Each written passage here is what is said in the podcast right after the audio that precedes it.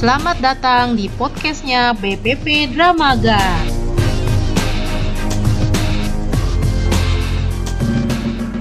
Assalamualaikum warahmatullahi wabarakatuh.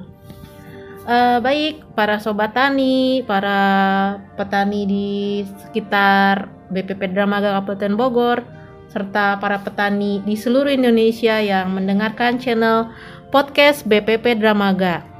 Alhamdulillah BPP Dramaga online lagi nih walaupun sempat tersendat karena banyak yang harus dilakukan.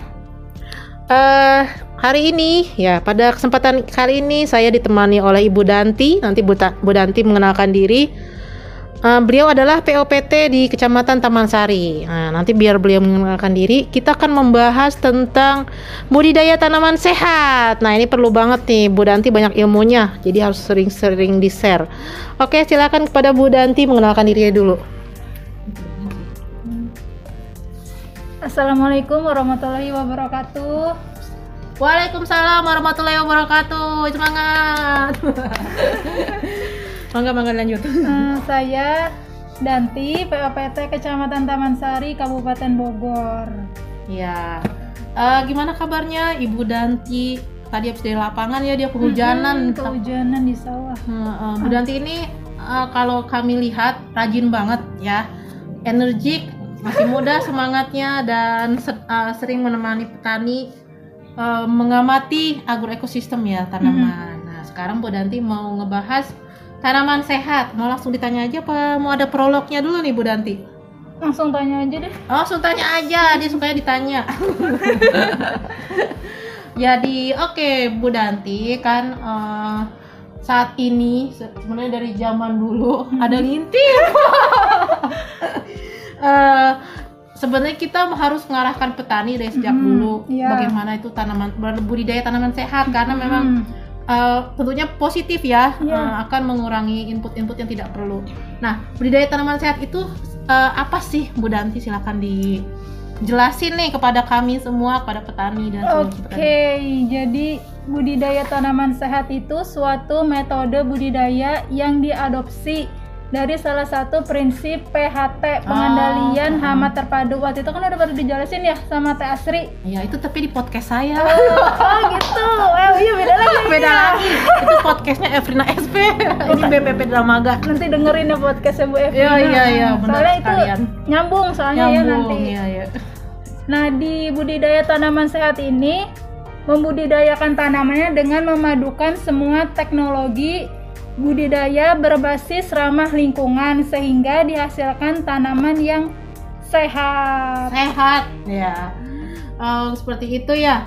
Uh, memangnya kenapa sih harus tanam budidaya tanaman sehat? Tadi udah ada prolognya sebentar, tapi hmm. boleh dijelasin kenapa hmm. gitu petani itu harus melaksanakan itu?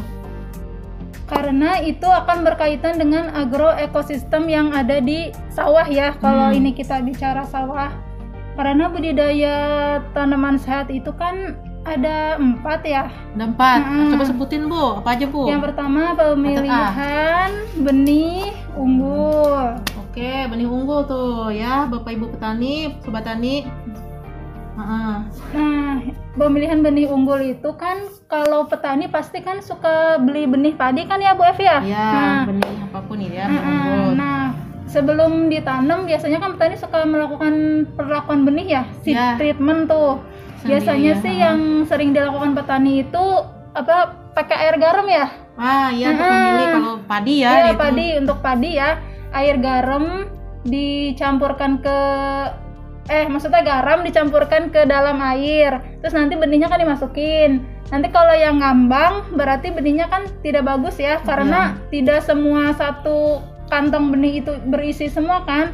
Jadi nanti yang bagusnya yang ngambang ke atas maksudnya dibuang kita ngambilnya yang terendam di bawah. Hmm.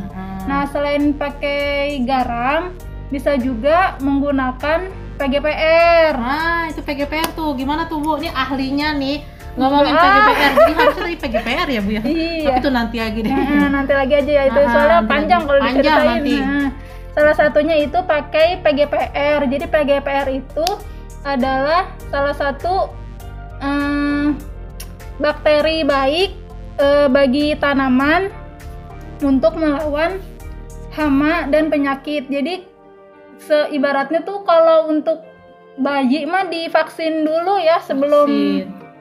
Dia tumbuh dewasa kan biarin kebal gitu. Nah, itu di biasanya pakai PGPR. Itu gampang kok bisa dibuat sama petani dari akar bambu, tapi itu next episode aja ya. Ya, panjang ya soalnya. Heeh. Mm-mm.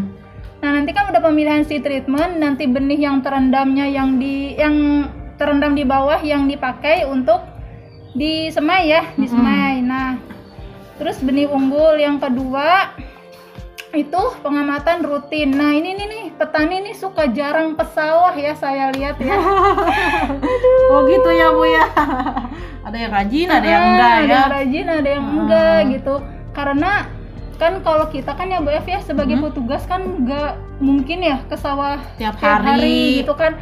Karena memang yang punya sawahnya kan emang petani sendiri gitu. Jadi kalau kata orang Sunda mah jangan dilurculkan. Jadi maksudnya udah tanam terus ditinggalin aja, enggak Ah. ditengok-tengok. Itu salah ya. Nah, itu salah. Tuh, coba ditengok ke kasihan kan iya, ya. Kayak, kasihan. Soalnya kan tanaman tuh kan kayak kita punya anak ya harus Hmm. ditengok tiap hari gitu kan, setidaknya seminggu dua kali atau misalkan Hmm. tiga kali. Kalau misalkan petani memang ada pekerjaan sampingan gitu kan, eh, yang perlu diperhatikan itu yang pasti eh, sanitasi. Sanitasi itu kebersihan lingkungan. Kadang-kadang banyak petani itu yang jarang membersihkan galengan. Mm. Jadi galengannya itu banyak rumput. Terus padi eh sawahnya juga banyak gulma, di, Mm. nggak digasrok. Mm. Nah, itu kan kalau gulma itu kan nanti kan akhirnya berkompetisi dengan tanaman utama yaitu padi. Jadi nanti eh, makanan si padi malah diserap sama eh, si Gulma. gulma itu. Mm. Terus kalau misalkan di galengannya banyak rumput, di sawahnya banyak gulma kan itu bisa menjadi tempat berkembang biaknya hama penyakit gitu. Jadi harus sering-sering ditengok sawahnya, dibersihkan. Terus, nah ini eh di dalam pengamatan yang rutin itu, nah petani masih banyak yang eh mengira kalau sawah diairi terus itu bagus. Iya betul, betul. Betul banget ya, betul, ya? betul. Disangkanya harus diairin terus, Bu. Iya harus diairin terus. Hmm. Padahal eh memang sih eh, padi itu tanaman yang membutuhkan air, tapi tidak harus sampai kerendam kayak banjir gitu ya Bu ya. Iya. Kalau saya ke sawah juga ini banyak banget airnya sampai kayak kerendam aja beneran kerendam gitu. Kalau sawahnya macak-macak aja sih biasa. Itu sebenarnya kalau misalkan di sawah eh sawahnya nggak diairin ya gitu ya itu sebenarnya di dalam tanah tuh ada air. Jadi pengairan berselang itu penting. Misalkan tiga hari diairi empat hari dikeringkan. Nggak apa-apa tanahnya retak-retak karena kalau tanah retak itu nanti si akar itu akan bernapas kalau tanahnya direndam terus nanti akarnya nggak napas nggak ada nggak bisa bernapas kan tetap aja memerlukan oksigen kan tanaman Betul, juga betul, betul. gitu. nah udah mah airnya banyak ya. Udah gitu lagi musim hujan kayak gini kan hama penyakit Lagi itu seneng-senengnya ah, ya. lagi seneng banget itu. Udah melembab hujan airnya banyak ya udah dia akhirnya berkembang biak di sawah. Hmm, betul, betul banget, betul banget. jadi nggak apa-apa pak kalau tanamannya eh padi sawahnya dikeringkan misalkan seminggu atau misalkan macak-macak nggak apa-apa kecuali beda lagi ya kalau Bu F musim kemarau tanahnya retak-retak itu mah beda lagi itu Ya, nggak ada beda. Ah, air beda. kalau tanahnya lembab eh lagi musim hujan gini nggak usah diairi juga nggak apa-apa karena dia eh, ada air hujan tanahnya lembab dikeringkan aja nggak apa-apa pak karena memang tidak harus selalu diairi sih kasihan soalnya nanti padinya Oke, selanjutnya berarti tadi pemilihan benih unggul, Mm-mm. pengamatan rutin ya. Yang kedua, Mm-mm. heeh. yang ketiga Tiga. itu pemanfaatan musuh alami Nah, iya tuh ya. Nah, ini nih Bu Bu Danti ya. Kadang ada petani yang eh, masih bingung ngebedain mana hama, mana musuh alami gitu. Emang harus diingetin terus, harus Iya. latihan terus ya. Hmm. Nah, musuh alami ini pentingnya gimana tuh, Mangga Bu? Jadi kalau musuh alami sama hama emang petani juga masih banyak yang suka keliru ya. Eh kalau nih contohnya ya, eh Contohnya. kepik. kepik ya ya kepik ya. Ladybug ya. Ladybug tuh yang merah ada titik-titiknya. ah, itu musuh alami. Itu musuh alami tuh. Bukan hama nanti disemprot capung capung alami musuh alami itu banyak di ya Mm, terus belalang ada dua jenis nih Dalang ada dua betul. Dalang Yang- tempurnya satria baja hitam. ah bener serius Baja hitam. Wah, ketahuan dong kita umur Iya. berapa ya? kalau yang H eh kalau yang musuh alami ciri-ciri belalang itu yang dia punya antenanya panjang Nah, yang panjang. Tuh, Jadi musuh alami. Musuh alami belalang yang eh, apa namanya antena panjang musuh alami ya. Jangan Hmm. salah. Udah, eh, eh, jangan salah lagi terus laba-laba Laba-laba, alami hmm. Musuh alami. Iya. Lama-lama musuh alami Spiderman kan superhero. bener nah kalau misalkan hama untuk tanaman padi eh, wereng contohnya wereng batang Wereng, coklat iya. ada wereng hijau terus walang sangit Walang sangit Itu ya, hama. yang makan Hmm. malai ya. iya Kayak cairan bulir, bulir. Hmm, Ah, sorry, hmm. sorry. Terus ada kepik hijau yang warnanya gede itu ya Kepik suka iya, betul, kepik hijau. Bizarra viridula kalau nggak salah. Mm-mm. Namanya bagus tapi dia hama. terus ini nih hama bedanya ngengap sama kupu-kupu Ah, bedanya apa? Ayo, apanya bu? kalau kalau hama Kupu kan dia ya. kayak penggerek batang kan dia bertelur dari Ah, dari ngengat merusak. kalau ngengat, itu bentuknya begini nih Apa sayapnya gininya? sayapnya ke bawah Oh, sayapnya ke bawah. Ya, ya, ya. kalau ya, ya. kupu-kupu kan begini sayapnya Sayapnya cakep ya dia. Iya. Tapi kalau ngengat, iya eh, sayapnya ke bawah posisinya ah, posisinya ke bawah. Ini jadi kita begitu tuh gitu gitu gimana bu? Ini podcast.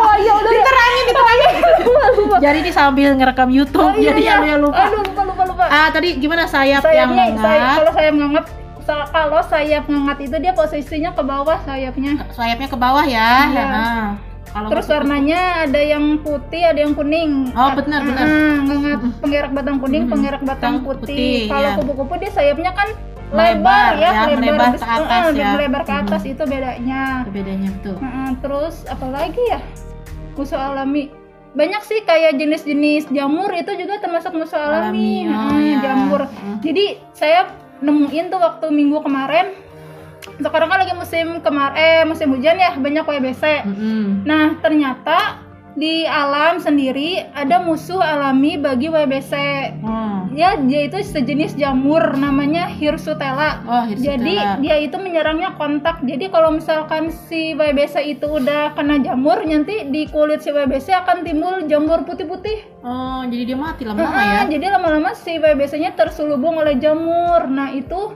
ada di alam jamur emang nggak kelihatan kan ya harus Ah, pakai ah. mikroskop. Tapi kalau misalkan WBC-nya mati putih-putih, nah itu berarti dia kena jamur. Sip. Kalau udah kalau nggak salah nih kalau misalnya satu sudah kena uh, jamur atau fungi ya, Mm-mm. cendawan gitu.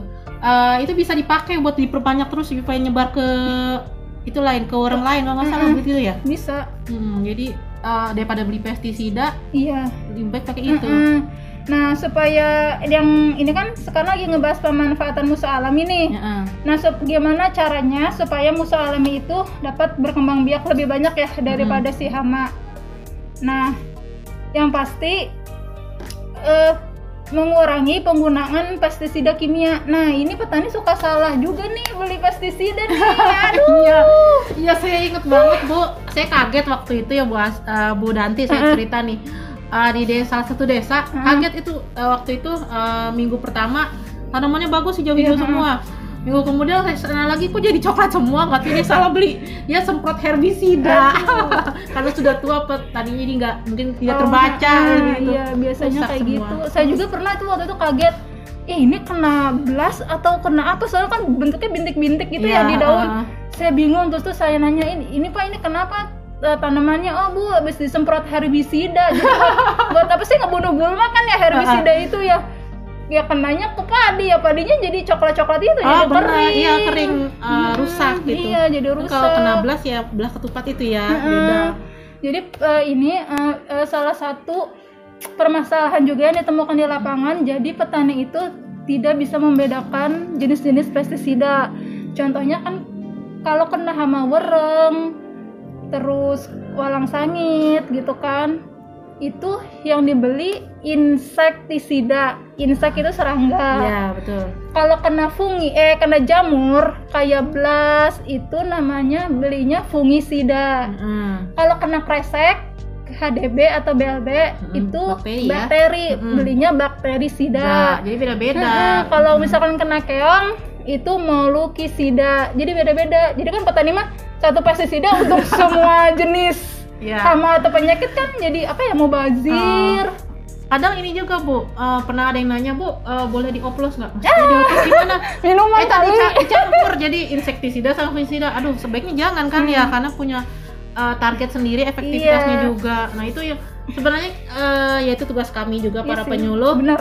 buat terus ngingetin mereka sebenarnya kita udah ngasih tahu jangan dicampur, Pak, Mm-mm. yang ini uh, insek harus yang uh, insektisida. Mm-mm. Tapi mereka memang harus di, terus diingatkan Mm-mm, gitu, gitu terutama kan. yang sudah sepuh ya. Eh-eh. Kalau di oplos minuman aja di oplos bisa menyebabkan orang Bisa meninggal ya, Hmm. apalagi racun Oh, gitu. oh. Ja- tidak boleh mencampur pestisida dua jenis Ah. saat dicampur gitu nggak boleh soalnya ada yang nanti efeknya negatif kalau enggak nanti dicampur netral Hmm, jadi tuh. dia nggak ada pengaruh apa pun Betul betul. dan ini nih yang sering ditemukan di lapangan saya suka pengen ketawa sih sebenarnya furadan itu kan bentuknya butiran ya ya. dicairin Ya karena mungkin biar cepet ngeresap atau gimana iya tuh? Tadi jadi ya. disangkanya ya udah biar cepet meresap ke si tanaman kali ya biar ngatasin hama ya udah deh dicairin aja. Padahal kan furadan itu bentuknya granular. Granular itu butiran ya. Ah. butiran itu memang cara aplikasinya itu ditabur. Mm-mm. tidak boleh dicairkan. Jadi bapak-bapak kalau pestisida itu kita harus ngelihat dulu di belakangnya ya cara pengguna petunjuknya. Cara. Kalau yang bentuknya cair memang itu harus dilarutkan dengan air. Terus ada ada ada yang bentuknya tepung ya. Terus ada yang bentuknya pasta misalkan diolesin di batang gitu Ah, kan banyak kayak gitu. terus kalau yang di granular bentuknya butiran itu biasanya ditabur. Hmm. pokoknya tidak boleh dicairkan. Nah suka banyak kejadian furadan itu diencerin. Gitu. Oke, tuh berarti kalau memang ya contohnya kalau misalnya ada penggerek di jagung ya kan di uh, apa sih ini diaurin? Apa sih ditaruh aja di itunya batangnya tuh ya granulnya di itunya apa granulnya itu dari furadan. Jadi memang ya kalau memang harus diaplikasikan langsung ya udah jangan dicairin malah jadi kerja dua kali ya. Iya. Kayak gitu. Ter- terus kalau misalkan apa ya eh, si misalkan hamanya cuman baru ada satu ekor atau dua ekor udah jangan disemprot racun dulu pak. Nanti itu malah mengundang hama yang lain. Jadi dia nantinya kebal gitu kan. Kalau petani mah ada hama nggak ada hama ge disemprot gitu. Preventif kali saking khawatirnya supaya produksi dia naik kali ya. Mm-mm. Tapi memang yang baiknya eh, kalau emang belum menyentuh abang, ambang Abang batas ek- ekonomi ya, Mm-mm. ya tahan dulu. Kalau Iya. misalnya padi kalau nggak salah warung itu satu eh, satu satu rumpun itu 10 ya. Iya, itu 10 udah ekor. baru harus hati-hati ya. Kecuali kalau jenis jamur ya kayak belas itu Nah, ada iya. ada gejala langsung dikendalikan karena dia kan namanya jamur pasti akan Nyebarnya terbang. nyebarnya cepat. Kalau hama kan ya butuh waktu untuk berkembang biak gitu. Hmm, Jadi betul betul. jangan sembarangan nyemprot dan ya itu tadi nanti musuh alaminya kayak laba-laba, Pada kepik, mati. capung, pada Hmm. mati. Padahal dia teh pengen makan si hamanya. Ah, betul. Jadi emang keseimbangan ekosistem perlu diperhatikan juga. Heeh. Ya ini masukan juga nih buat saya biar inget lagi. yang keempat apa nih Bu? Yang keempat, ini adalah poin yang paling penting. Apa tuh? petani sebagai ahli PHT. Wes. Jadi bukan petugas ya Pak, petani. kuncinya tetap petani karena Petani kan yang punya salahnya. ya. Iya. Kita kan petugas hanya membimbing ya Pak eh, dan mengedukasi gitu kan supaya Bapak ini budidayanya sehat, budidayanya bagus gitu. Hmm. Kembali lagi keputusan itu ada di tangan Bapak. Kalau misalkan kita sudah melakukan edukasi tapi misalkan Bapaknya tidak mau menerima itu ya kita juga kan jadi gimana ya Beb ya? Iya sih. Karena eh sebenarnya kan eh, keputusan akhir ada di petani kita Iya. cuma mendampingi, mengasih saran. Tapi kalau bisa sih ya dilaksanakan ya. Iya. Karena sebenarnya PHT juga mudah kalau memang Iya. mau Mm-mm. melaksanakan step by stepnya Mm-mm. gitu. Dan itu eh, lebih PHT itu pertanian yang ramah lingkungan, produksi dapat, lingkungan juga terjaga ya gitu ya Bu ya. Iya benar. Jadi ya itu kembali lagi kepada petani. Sebenarnya petani itu lebih pintar dari petugas. Betul, karena mereka udah dari dulu lah ya. Iya, udah eh udah apalagi yang udah sepuh ya udah berpuluh-puluh tahun kan pengalamannya. Cuman ya kan waktu dulu kan petani mah kan nggak pernah pakai kimia ya bu ya. Zaman Jarang, dulu, hmm. zaman bahula itu kan pasti kan pakai kayak daun picung sambiloto yang gitu Hmm. kipait itu malah lebih bagus pak daripada pakai racun Hmm. jadi kembali aja ke masa lalu gitu cara penggunaan pembasmian serangga sama penyakit malah itu lebih bagus pakai itu karena itu tidak mencemari lingkungan ke manusia juga nggak kena Mm-mm. ke air juga nggak kena tapi ya itu proses pembuatan pestisida nabati itu memang lama pak seminggu atau semalam difermentasi kan kalau petani sekarang pengennya yang Langsung instan top chair. Heeh. semprot langsung mati Iya, gitu. nah kalau pestisida nabati nggak seperti itu, dia berproses. Tapi Hmm. nanti lama kelamaan kalau bapak misalkan rutin setiap tanam pakai pestisida nabati, insya Allah tanamannya sehat, ke bapaknya juga sehat. Sip. Jadi ya intinya penggunaan pestisida ini harus bijak Mm-mm. kalau memang cara alami eh, sudah tidak bisa ya Hmm. boleh Iya. buat gitu ya pakai menggunakan kimia tapi yang tadi yang seperti tadi sudah disebutkan oleh Ibu Danti bu- step by stepnya eh, syarat atau langkah-langkah budidaya se- tanaman sehat yang pertama pemilihan benih unggul eh, karena utama sebelum menanam ya Mm-mm. terus pengamatan rutin ke sawah atau ke ladangnya yang ketiga pemanfaatan su- musuh alami dan yang keempat petani sebagai ahli PHT insya Allah bisa lah ya kita Iya. budaya tanaman sehat Mm, benar. Nah itu eh, saya eh, kasih contoh nih eh, di lahan sawahnya Pak Kibi. Halo Pak Kibi. eh salah di sini. Pak Kibi itu eh, salah satu anggota di kelompok tani Mekar. Waktu itu lahannya terkena virus tungro ya. Iya. Eh, virus tungro kuning Mm-mm. itu pada kuning. Eh, dan itu memang kondisi waktu itu lagi lembab banget, Mm-mm. air banyak dan musim Oh hujan. iya. Kita waktu itu bersama POPT setempat mm, sudah melakukan eradikasi yang Cabut. cabut eradika eh, dibuang ya tanaman yang benar-benar kuning banget Mm. dan sumber. Nah eh, seminggu kemudian, alhamdulillah tuh setelah irigasi juga diperbaiki, eh, drainasenya diperbaiki, terus Mm. pengairan berselang, Iya. dia kembali hijau tuh amazing juga dan ternyata itu memang benar ya bu ya. Iya. Kalau misalnya petaninya mau gitu eh, ke sawah langsung terus dia identifikasi sumber masalahnya Mm, di mana, jadi nggak benar. langsung nyemprot seperti itu. Bisa. eh, Bisa. ini sendiri kembali tanamannya Sehat. Sehat. sehat, sehat banget karena Iya. gitu lah kalau misalkan ada yang kuning-kuning gitu pak di sawah kayak kena penggara kan itu kalau dicabut ya gampang ya contohnya. Kalau tungro dia warnanya kuning oranye ya Hmm. kuning oranye. Itu nggak apa-apa dicabut dibenamkan lagi ke tanah situ atau dicabut dibakar. Tapi jangan Hmm. dibuang di sekitar situ Sekitarnya, lagi karena uh-huh. itu akan menyebar. Nah biasanya petani nggak mau nyabut. Bilangnya sayang ya? Ah bu sayang nanti juga sembuh sendiri. Nggak akan sembuh bapak-bapak ibu-ibu. Ya nanti itu nyebar ke petak yang lain. Soalnya saya juga ada pengalaman tuh yang tungro itu sepetak pak cabut ya. Nanti nyebar ke petak yang lain. Ah nggak bu. Biarin aja. Nanti juga sembuh sendiri. Dan minggu ke minggu depannya saya ke situ. Udah nyebar, nyebar ke petak kedua terus petak ketiga. Terus ya bu ini gimana dong? Udah nyebar semuanya tiga petak kena tungro kan pak kata saya dibilangin. dicabut. Satu bij satu rumpun dua rumpun yang kena tungro cabut. Jangan didiemin aja. Terus sekarang harus gimana dong bapak ya udah deh saya babat aja semua tuh kan jadinya tiga petak itu dibabat semua. Iya. kasihan ke bapaknya gitu. Maksud saya ten nyurus cuma satu rumpun dua rumpun dicabut itu aja pak. Tapi ini ya kalau sudah merasakan sendiri oh, udah tahu jadi kapok. Oh iya itu bahasa itunya kapok. Maksudnya dia sadar sendiri oh besok Iya. jangan begini lagi. Iya gitu. Jadi ternyata benar gitu ya. Hmm. Oke deh, ini terakhir nih Bu Danti, apa saja sih kendala untuk melaksanakan budidaya tanaman sehat? Tadi sebenarnya udah disebutin ya. iya banyak ya kan Banyak kendalanya ya dari petaninya sendiri, petaninya sendiri dari lingkungan Lingkungan, terutama. heeh, gitu. Kadang kita tuh mau melaksanakan budidaya tanaman sehat di petak kita, petak lainnya belum tentu. Nah itu emang uh, perlu kerjasama namanya kelompok tani. iya benar Gitu. Ya udah. Uh, karena ini sudah waktunya sudah banyak ternyata Udah. udah hampir mau 30 Oh iya, menit nggak kerasa cuma ngobrol kerasa. Nah, nanti sambung lagi dengan Bu Danti eh, yang ahli dari organisasi pengaruh tanaman. Pokoknya banyak yang bisa digali dari Bu Danti. Terima kasih Bu Danti. Iya, mau sama-sama. mau ini enggak promosi dulu akun medsosnya apa biar di follow, podcastnya apa biar di follow, YouTube-nya apa silakan sebelum ditutup.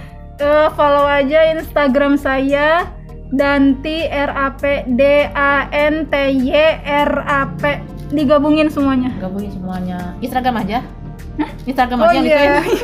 Udah itu aja Instagram aja. Saya aktifnya di Instagram sih. Oke, ya udah. Terima kasih kepada Bu Danti ya Oke, atas obrolannya hari sama-sama, ini. Bu Efrina. Dan Sobat Tani jangan lupa untuk follow Instagramnya BPP Dramaga di @bppdramaga. Juga ada Facebooknya di Facebook eh, akun Facebook BPP Dramaga. Terima kasih sudah mendengarkan kami. Wassalamualaikum warahmatullahi wabarakatuh.